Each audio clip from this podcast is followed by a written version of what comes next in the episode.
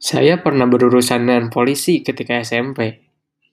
Karena saya dan teman-teman saya ditugaskan untuk mewawancarai kapolsek setempat sama guru PKN saya pada saat itu. Selalu aneh ketika melihat foto masa lalu yang bisa dirasakan kenangan dan canda tawanya, tapi susah untuk bisa merubah dalam bentuk cerita. Mungkin nanti saya akan menceritakan apa yang dialami dan dirasakan ketika saya sudah mencapai level bercerita dan lebih baik.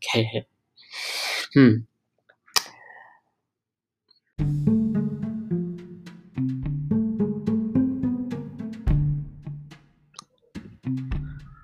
Di SMP, saya menghabiskan kebanyakan waktu dengan mengikuti klub sepak bola, sehingga saya tidak memperhatikan prestasi akademik saya. Dan yang paling parah ketika memutuskan untuk berhenti bermain sepak bola dan belum mendapatkan prestasi untuk masuk SMA dengan jalur prestasi.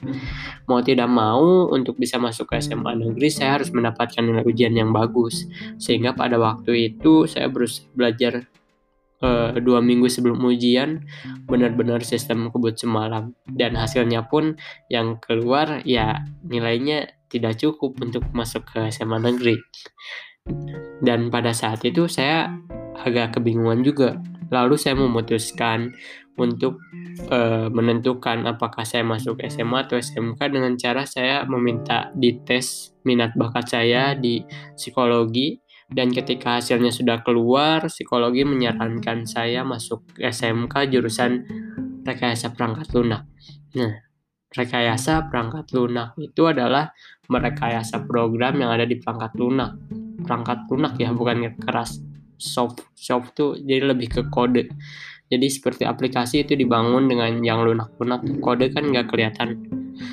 Sama lunak itu bisa di delete, bisa dirubah, bisa dibuat kayak tanah liat ya lunak itu. Program bisa dibentuk uh, dengan apa yang kita mau. Nah itu sekolah menengah pertama saya. Dan saya akan ceritakan di episode selanjutnya sekolah menengah kejuruan.